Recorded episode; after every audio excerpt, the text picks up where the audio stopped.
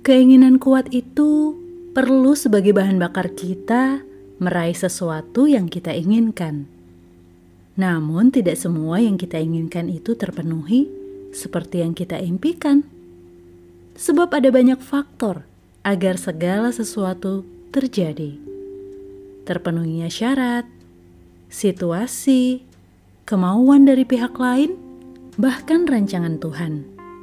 Semantap apa pun upaya kita, apabila tidak sesuai dengan rancangan Tuhan, maka tak akan terlaksana.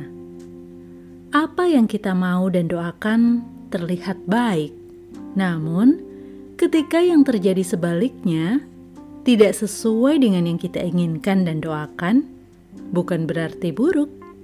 Ya, mungkin buruk buat kita karena tidak sesuai yang kita inginkan. Namun, bukankah dalam segala sesuatu Tuhan turut bekerja untuk mendatangkan kebaikan? Percayalah dan tetap berharap pada Tuhan.